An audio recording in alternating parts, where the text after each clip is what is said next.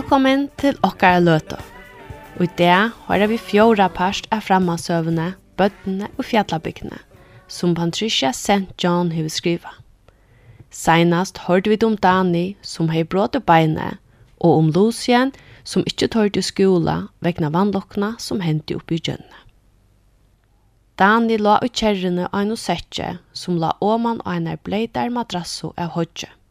Han starte opp i loft her kvitt utlarkjent skutsk spekliga råk og sted, ein så svøvntung seiafylgje og en blåar i Hon Honon hei dama vel a sloppja kia opp om sujunar av kjerrene, men det var gjørlet, til han fekk ikkje syd oppe. Og i stegen egla til han skudgjene, men han nette seg honom fra ötlån som det kom fram vi. Da han hei framvis dekka pyn jo beinon over ekvilja smasar. Kvørja fyr kjerran kom ui av hålo, knarra i han og gav seg. Men Annette rønte at ukka han, og av ver ein så tujante personer domte hun framvis vel. Nu koma vi om man måtte bygdene, Dani, sier Annette. Vi køyra nå fram vid kyrkjene, er sånne ruskmannen er i fer vi har reka neitene ut ur kyrkjernen. Det må være onkur og argalig dronkur og hiv lete porste steg åpne. Røyna neitene jeg slepp inn i kyrkjena, spurte Dani hoa gåur. Nei, sverre han etter. Det røynte jeg leip opp om gæren, men han vær og høvor. Det hilde jo stegin opp om gravsteinene her. Nå er vi kommet til badnaskolan, Dani, og her stendte lærintan og skruppar trappen her. Jeg halte at jeg regner det over henne og idé. Hun er jo øtlom bøtten fru. Jeg har vilja at læreren eisne i omkring regner sted og lærindan kjem i mot okkur nu. Hon er se okkur, og jeg halte at hon ikkje vita hvordan du hever det. Nå kommer fru Pellet og fru Lenoir eisne.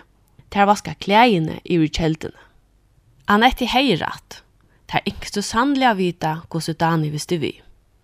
Og gjerne lukter luttarbygd frattast høyentene kjøtt, og det var togt landet, tog det så sjoldan enn ikke henter. Kona postmasteren hei finnja sindra vita fra syster Lucien, ta hon ringte etter lakna noen, og kona fyrstå mannen av togstøyne hei hos restene fra Mario, vi har noen boi etter morgotogjene. Nu visste jo öll og öll tåsa om det, og yngstå er fratta meir. Det tråkas öll rundan om luttli kjerruna, og at du nekva sia om neier du i Lucien. Han er en idlamor dronkur hettlar innan fyra. Jeg må avvera det smarre bøtni om at ikke at hava vi han å gjøre. Jeg får ikke lov av Pierre å spela vi han, sier kona postmannen. Det er så ring mora og jonon. Det er lesus utan nå honom. Men det er ikke så synd om mamma hans her. Hun sier det ugen noen oppgjørt om tonaleie, og hun sier erren om sine ekne og gå og frøkne til Pierre, som var en av dem og mest avhøldende drønnsene i bygdene. På Abidan i Brestjes under åtålen ved Korlunnen, og helt fyre, at jeg kunne ikke lette lakna om boi og landje. har måttet du førska seg, og kjerran rådde spekla vujer etter du knorslott av vennom. Ter trunka oss alla saman etter mitt av vennom, og sunke høttene saman og halda prate fram. Kjerran var dumsande vujare, medan solen tog seg langt opp av luftene. Hesteren tøktes ikkje leggja storvis le ui om lakne bojaje og Annette hei gåa tui a greia dani fra ötlån de sovu a drykva turtara og manu boien. De korte fram vid du stora donande fossenon som var högre meien, og sujan etter enn breion veie vi ungon asktrøvun baumena. Ta lukta jeg sausbønnen, ta ta korte fram vi, her sier jeg kjær vi vær. Sujan korte ta vujar mittel marstur vi smavun krokosa, og nu kom i husen, husene så smått undan. Annette sier Dani, at nå kom det inn i bojen. Si meg akkur som krambona er, sier Dani spenter. Og i sånne stotta løyve hei han best vi trutja for nir i bojen og ta vær for honom ta vekrasta stegi og i ötlun heimnon. Onnor høyt ikkje hoksa så størst om bojen, tog jeg har vær best en smølgøta vi handlon, men ta var ekvilja vekrer av suttja. Her var bekka rui við søgnesklokken søgnum fotlån av laukøkubotnum og stóru mongdun av ingefurkøkun, og klatna brodera av en tjóbunum og i öllum støttun. Vekrast av öllum var handelen tja træskjerarnum, við sunnu mongu ulskordun lati klokkun og gamle monnun, som struttes vi a knusa nøte við trætun og søgnum. Annette var må å sia fra vækuleikanon og hos handelen, ta i det endelig nåttu fram til sjukhuset. Det var ikke noe størst sjukhus, men for Anette og Dani tøktes bygningen av å være stårer. Nekre sjuklingar lå ut i altanene og sola og sær. Papen lepp nyer av kjerrene og bant heimene og gæren og får inn. Ein av lødde seitene kom han atter, sammen vi tveim og månden i borgen av sjukrabøret. Dani var lagt av henne og så gjerne borgen inn i opphjastående. Papen sette seg vid høddaleie og Annette vid fotaleie. Kvirran og i sin fremmande huset og den kjølsamme regne lukteren fikk det sida teande, medan Dani hukte til av sjukrasystrenom. Det var jo langkong kvitt om fyrrekløven og kappa vid blondåa. Dani helt av vera meinlukkar englunnen og i de store myndabubene til ommesønne. De måtte boja heilt lanje, så ting kom av begge papan og Annette. Og Daniel lei hendurnar under høtte og sovnei. Han var vaktur atra av laknanon som etter öllna døma hei ur a gjerra. Han var en eldre, gråmalt og mævur vid longkons verstun kjetje, og Annette rattestan. Etter hetta viste alt seg jeg genga kjøtt fyrir seg. Dani var trillar av sted og en er sjong vi kjolun under, til at taka røkkemyndir av beinun. Det helt han var spennande, og yngst jeg få vita om han kunne få myndinar han vi ser at håndja opp i stovna. Så igjen var han trillar utdatter, og ta lakne tog om det sjuka beinet skrutja i dani av pøyne. Kjøtt kom det atter vi myndinon som alt ikkje luktes beinen tja dani. Men laknen sa utlaver nøkte vi teg. Han hukte gjødla etamun, men han smanikka igjen. Så vennen kan starte papan og helt fire.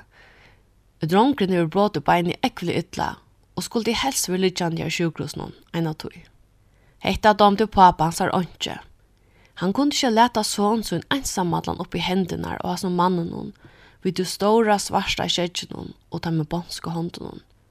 I alltid at vi kunne passa Dani heima, sier han avgjørder, og det måtte jeg som bor til.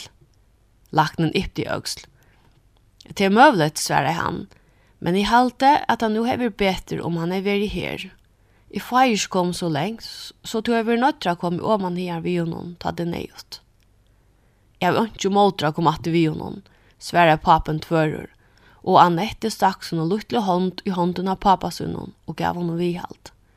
yngst i eisne at Dani skulle være heima i hus.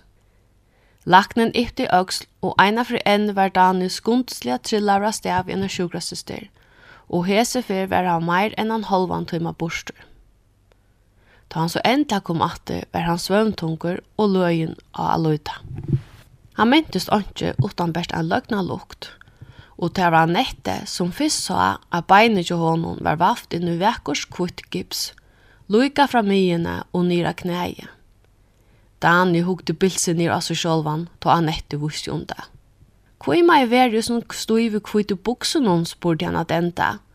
Og åttan av boi etter svære, sier han, at hon alls ikke domte det store svarsa skjedje til lakna noen, og at han ville slippe heimater. Han etter domte det heller ikke, og det yngste ødel å slippe heim som sjåtast. Anette, tog hun var så svong, og Dani, tog han var så trøtter, og papen, tog han hoksa om neidene og ta laknen kom atter for at jeg kan æra mynda beinon var det ångastans av sutja. Best lengt bostre kunne han sutja en løvlian for spårande så kjøtt han kunde, vi en er høytjere vi trim og folk og noe at han nasar. Tapelinger mot lai laknen. De mundu halda at jeg kom atter og jatter. Nu vil jeg nøytter å bruke med en person av en og deg til å fra nian etter at han må fjærlagt og fjøtlen jeg sutja til dronjen. Hadde det best kunna stegga til det du finnes vita når det skulle komme atter. Satt av sida, så hadde det pura gløpt av spørst. Papen mynte seg ikke til det, for han hadde løst hesten. Annette, røpte han, vi spurte unga du hvor så langt Dani skulle ha gips jo. Det gjør han ikke svære Annette. Du kommer atter fram vi her om han har viket vi oss til noen, og ta kan så spyrje om det. Du kan svære viser i, at det skal ikke av er en teatøy. Lea måtte genga søgn og gips i armen og seks viker. Så gjør han te, sverre pappen meg rolig. Så fer ikke i natten nå, til det var sent og lagt ned i ångasen sa suttja. Han leip opp i kjerrene og røpte, hopp, koko, og hesten sette seg av grånene ventet rett av ved. Det var vi hus klokkan fem, og Dani var lagt av en sofa så han ikke skulle kjenne seg ensam allan. Om nåttet han svev Anette av Bolo i syna av honom, og man skulle vakna og få spyrre etter henne. Her var han lytjant jo flere vikor ved beinen og han og kodda. Anette gass for skolan og fyrbils, for betre kan hun hjelpe Dani. Hon sier hun har alla søvnar hon dotte, atter og atter, og spalte ime spøl vi hon allan dagen. Om man gjør det gode små ratter til i køkjenen, for jeg freist av metalisten, Jadani, Hovast det var ånøyot, tog han var loika glævor og at loika nekv som han plattere ute og spela. Beinir tja Dani tøktist ikkje at Greg var kjøtt atter. Ofta måtte lakten koma nean i fjöttelni av vidtja han, og alltid var han oversammer og gatufører og at luta. Ta i kvite sonde linjene for å spretta av marsjene, og ta i bøndene tala om at fra nean i fjöttelni vi neiden for Dani atter sjukhuset at hekka gipsi av. Ta var til at lakten sier papa Dani fra tui at han atla tui hei øttas fyrir. Dani får ånga du at kunna genga rattli atter. Ta brottna beine var våre nekka stittre enn ta fruska. Det er bor i hoa for her han børner til træsmyen og be han gjera seg tver luttar høtjur. Så gjerne får han til skåsmyen vi gjennom pæra stilvun tja Dani – og bæ han gjøre anna botnen halv annan tomma tjukkare enn hin. Begge træsmyren og skåsmyren var harmer om tøyntene. Træsmyren skar ut at vekker spjatna høtt av hverja høtje for jeg gleda Dani, og skåsmyren sendte stilvannar atter fotlar av gøggate. Hetta gjørte Dani vel nøktan. Han hukte at høtje noen, så var det der nekka han er finnes spela vi saman vi ötlun hinogavnum. Öll og bygdene var gåv i han og var til reier av hjelp Loika nek som öllu og bygdene stod saman om Dani og gjorde alt til kunne ukka han, loika som nek skudja til Lucien og gjorde alt til kunne for å vise honom vannviring. Nekra dia var han beint fram illa við færen. Læraren tog seg allmänt om han og kallet han for åtenka og vesala. Bøttene råk han borsta spelplåsen og kasta målt etter honom. Men kjøtt gav seg vitt og, og låt oss spørre om at sove det han ikke. Til at de omgatt over gav i Lucien, tog han var ilsinter, klombrotter og missotter. Men då platt han å være sammen vidt ham og teka lot om leikontæra. Nu var han einsamor og ånden til å spille vi han. Ta det byttes opp i flokkar, var han alltid senast valdur. Ein stek og bonkur var skolastovne, og her kom Lucien som vera mann a sida, medan öll hidne så du tvei og tvei saman. Sjolt er smav bøttene hilde seg av for honom. Du foreldre tar høyt i avvært jeg om åtte at hava vi han a gjerra. Han er en verre burhundur, og kan være at de kunne lykke stående skia som Danja børner luttla, sødde de. Og bøttene uimynda av seg han som er skrymsl, og krekka av seg da det sova at han narskaist. Og i handlen hon i bygdene rattet de honom vørene opp om skivene utan at tala år. Mjölka mæren tog seg aldri vi han, og kona kjeppmannen gav hon ångat i honanskøker, ein som platt jeg drev i hinebøttene. Det tog seg ångat i avhøves vi han, men låt oss spørsmål om at det ikke så han. Lucian var oss megen at jeg nekra rundt av vinna av missalutarra, og gjørdes meir og meira innebyrder. Han gikk ensamadlur til og fra skolan hon, og av spelaplassen hon spalte han gjerne ensamadlur.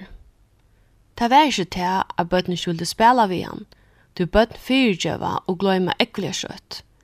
Han var bare så skamfukt av at han helse borster.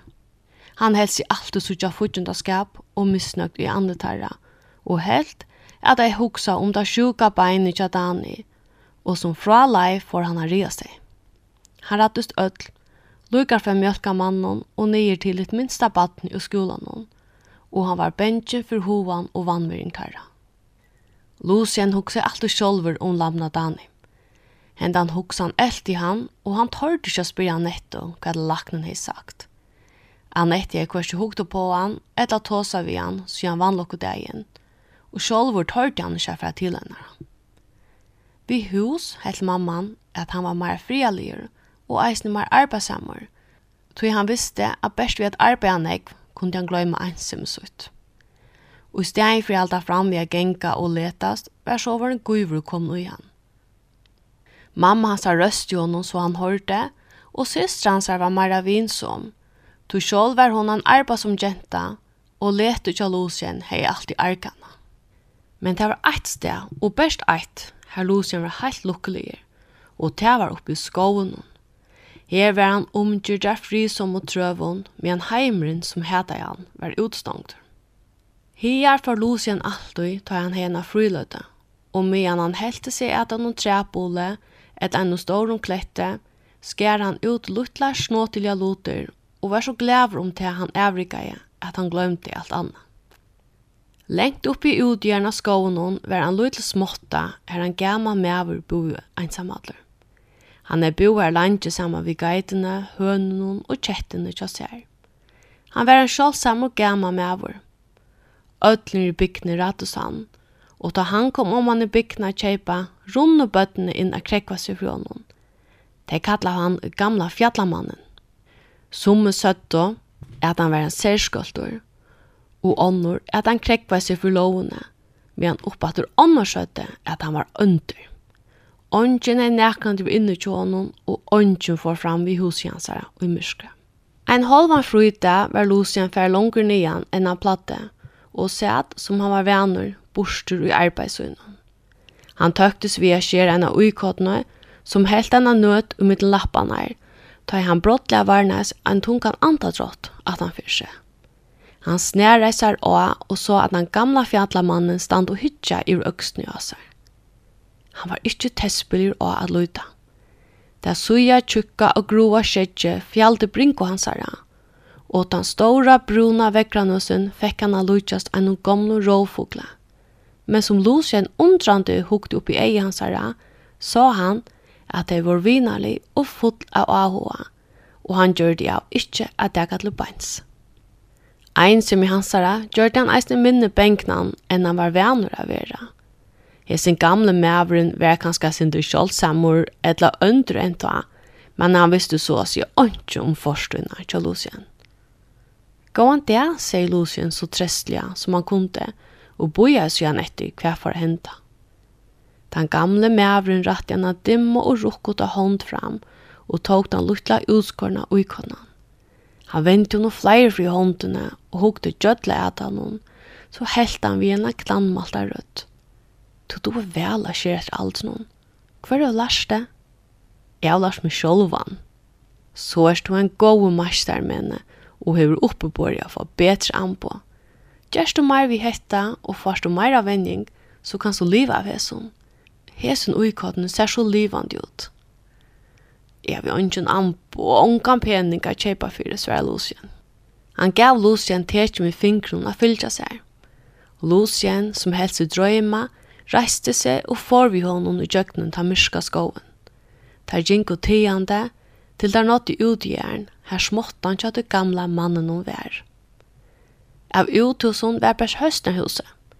Geiten var i hon samt til gamla mannen hon, einsvel og kjettan som sæt og vaska seg ur solskynnen. I sovekammeren og gømte han hodje som geiten skulle ete om vetren, og om han har høynon hei han nekker sjekkjulutjande som han sveva. Husbunavurin var mer kottelig og fatakslir. Her var en ånor, mjölkaspann, skammel, kruppa, en ståler og en ostapressa.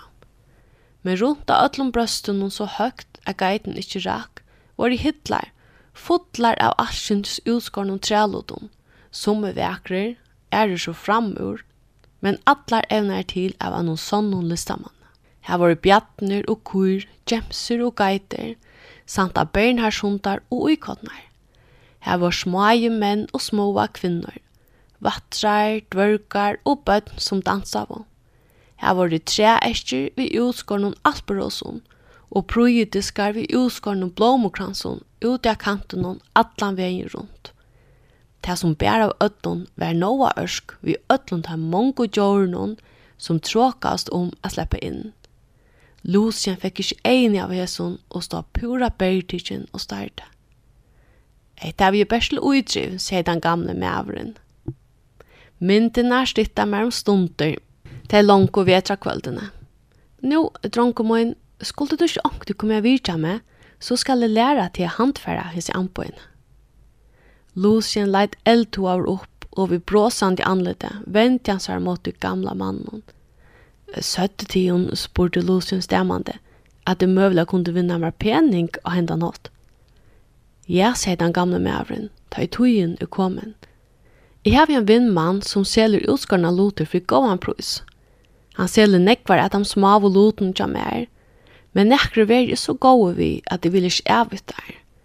Det er ikke langt til han kan begynne å selge tøyna beste utskarna loter. Du først har kunnet skje nekk bedre ved min anbån enn ved knuven. Lucien starrade vi samale og på han. Hjärstans er sank av du Tusen gamle mævren visste seg omsorga for honom og yngste hjelp honom. Her var ein han hei ikkje fyrnein i at øttast, og som ikkje hugsa illt om han. Han tok hoa går i håndene av det gamla mannen. Takk fyre at tiden er så blivet med, sier han. Det er ikke takka fyre, sier den gamle mævren. Jeg er ensammer og jeg er unga vinner. Vi kunne skjera saman. Jeg er så ensam og sier Lucien, og jeg vil helte unga viner. Som Lucien tjekk heim i tjøkken skoven, var han fotla hosgodden, men det var særlig ett som han er større avhå enn Atlina. Han skulle gjøre Noahs ørsk, såla som den gamle mervin hei gjørst henne, vi mongon smavon djåron, leivon, herron, fylon, kamelon og neiton, og vi Noah og konu hans herre og da han var livor, skulle han fjæra til herra børner, og djeva Dani til som er friar offer. Sjålvande kunde ønsken djeva Dani henne betra gav og en til, og kanskje så kunde det gjøre svimmen atter. Og i tvei samfotlar timer hei han var heilt lukkeligere, og vært han lykka til at trøyene fakka oss, og han atter sa bygna framan fyrir seg. Og i morgen måtte han atter skola, og ta for han atter kjenne seg einsamman og bengnan men nu det har han vært sammen ved en vina.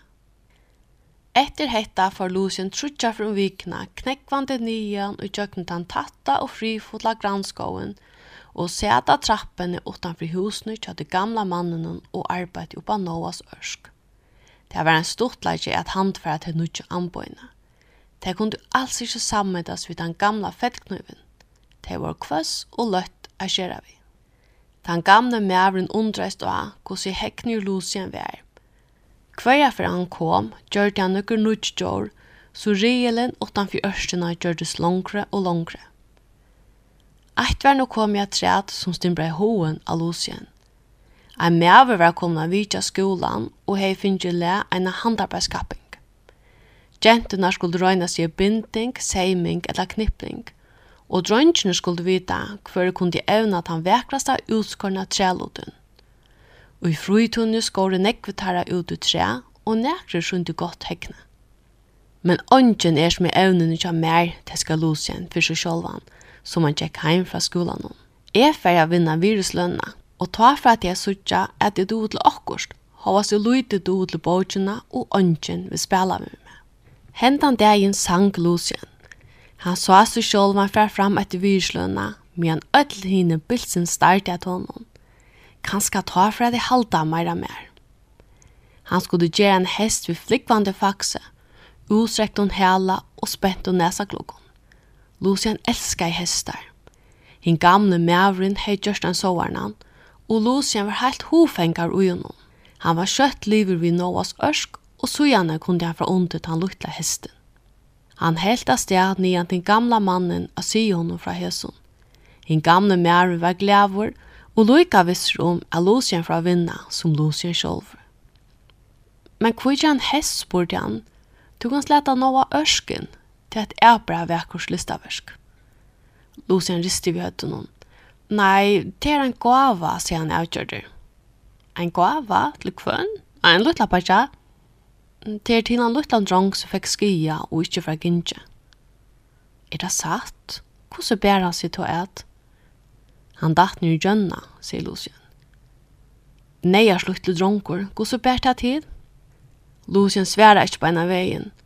Men til at den gamle mævren hever så beina samer og hjelpte noen, gjør det at Lucien yngste sier noen sannleggen. Og ta han endelig hukte opp, sier han. Det var min skuld at han datt. Jeg miste kjettlinje til honom, og han rønte av bjørkonen. Da han er sagt det, kom stor i øtti av han. Nå får en gamle med av en halskra hæta han, og rek han bortstor en så ødeline. Men det gjør det han ikke. Og stegen helt han ekvile vinalige fire. Til tog til å si at unga viner er Ja. Og du innskjer djevon hette som er virle? Ja.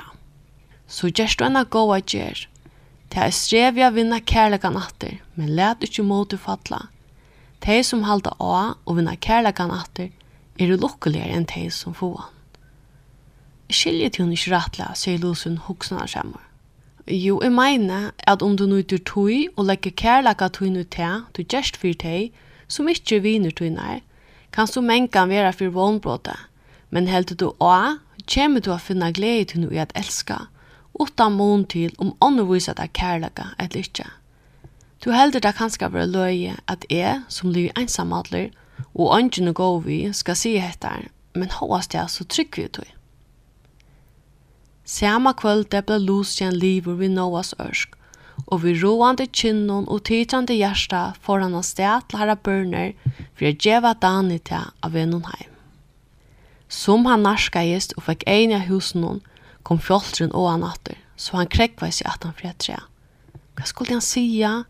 Og hvordan skulle han letja fire? Han kunne ta seg vid dagen i ensamadlan, hei det var lattare. Men Annette var alltid tjå honom, da hun ikke var i skola. Sjolvande får det fyrtjå honom, da det sov noe orsk. Høtte det bærs av honom, og giv honom anna møvleika, skulle han brukt resten av lovsunnen til å hjelpe Dani. Fodler av vågen, men samstundes av øtta, kom Lucien fram undan trænen og hett leina mot husen. kjent at Dani var born inn, og han nette seg at ensamhet og alt henne, og stoppa i alboan av jakkanen til pappa sin. Lucien svølte og forsøyan opp i tjøkken trappene og ratt igjen i noe ørsk. Hette til Dani, teska han, men så stod årene først i halsen av noen, og han stod bojande og hukte ned i fyrse. Annette tog nåa ørskronen, kvitt om anletet av øye. At du tårer at komme her, kom at enda ur henne. At du tårer at gjøre Dani gaver. Slepp deg av sted og viste ikke atter her. Som hun sier hetta, bleka jo noe ørsk nyr brennevien, nyr under at dyrast om makt, så øtte smav og jordene sindreist ut om alt pinnabrenne. Lucien starti at henne er stort bil, så snúi han sær á og får skinklandi åmen gjøkken trappunar. Allur omakar hans her hei virt og fan utus. Tei fer onkan tui af fyrtjå honom. Alt dette hei virt borstspillt tui. Ta kom i åren hun tjadde gamla mannen framfor hoan av Lucien, ein så han lydde ljøslemma inn i myrska og baska hjärsta hansara. De som halda å finna større glede og jeg vise kærlega enn av vinnan. Kanskje var det satt, Han er sann ikke vunnet nekka, men hovas alt hei han vært lukkelig og mye han gjør det noas ørsk, og vi hugsan jo om å glede dani. Om han ikke gav opp pæt, så kom kanska den dæver, ta onku for å være gov vi han fyrt han. Han visste det ikkje, og måtte du ikkje missa mot igjen.